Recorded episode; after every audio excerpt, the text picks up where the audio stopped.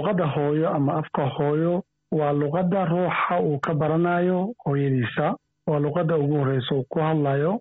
Marka waxay xambaarsan tahay identitygiisii ama luqaddiisii culturekiisii iyo qiimihiisii iyo jiritaankiisa ay xambaarsan tahay.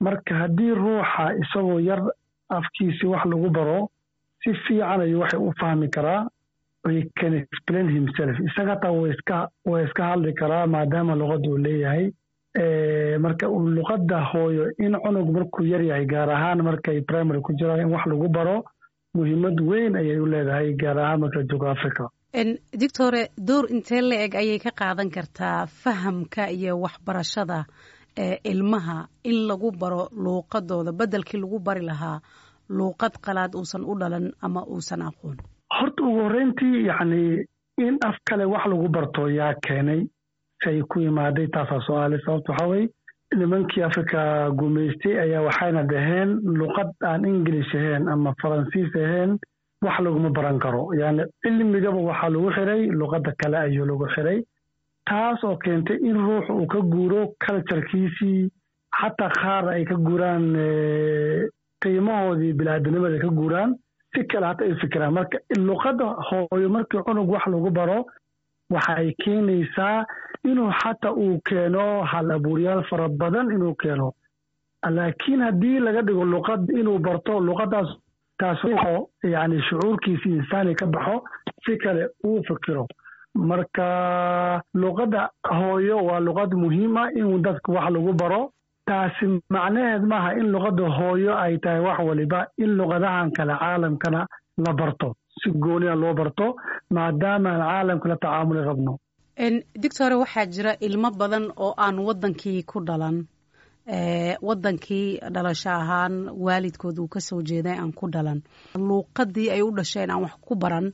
Luuqadii ay u dhasheenna aan waxba ka aqoonin xataa aan ku hadli karin haddana aqoontooda ay heer sare ay joogto.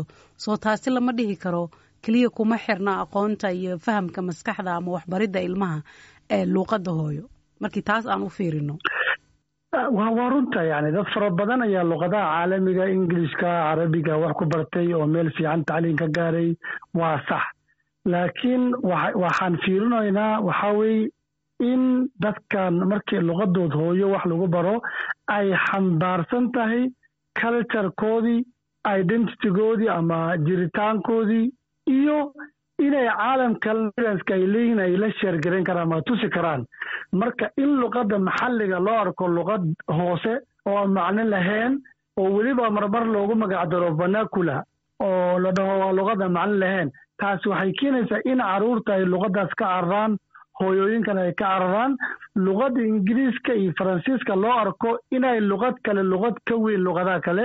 Ama cilmi ay tahay maanta daan af ingiriiska ku hadlin ama carabi aan ku hadlin li arko inaan waxba garanaynin. Marka luqaduna waa shay cilmiguna waa shay. Waxaa jira dadka qaar oo aaminsan haddii qofka luuqadiisii hooyo uu wax ku barto oo uusan garanayn luuqad qalaad sida ingilishka oo kale in qofkaasi uusan aqoon fiican lahayn. Arrintaasi ka waran waa fikrad qaldan waay sababta waxaa weye af ingiriis aan ku hadlay cilmi aan leeyaha maaha. Ama ingiriisi kuma hadlin cilmi malihi maaha. Laakiin fahamkeenaa qaldan dadka af soomaaliya wax ku bartay af china wax ku bartay jaban turkiya waa dadka maanta ugu fiican oo adduunyada maanta xukumayo. Turkiya jaban china talyaaniga dadka joogo luqadooda wax ku bartaan. Marka fikirka ah in ruux uusan ingilish ku hadlin waxba garanaynin waa fikrad saxe maaha waa perception dadka ay ugu malaynayaan waay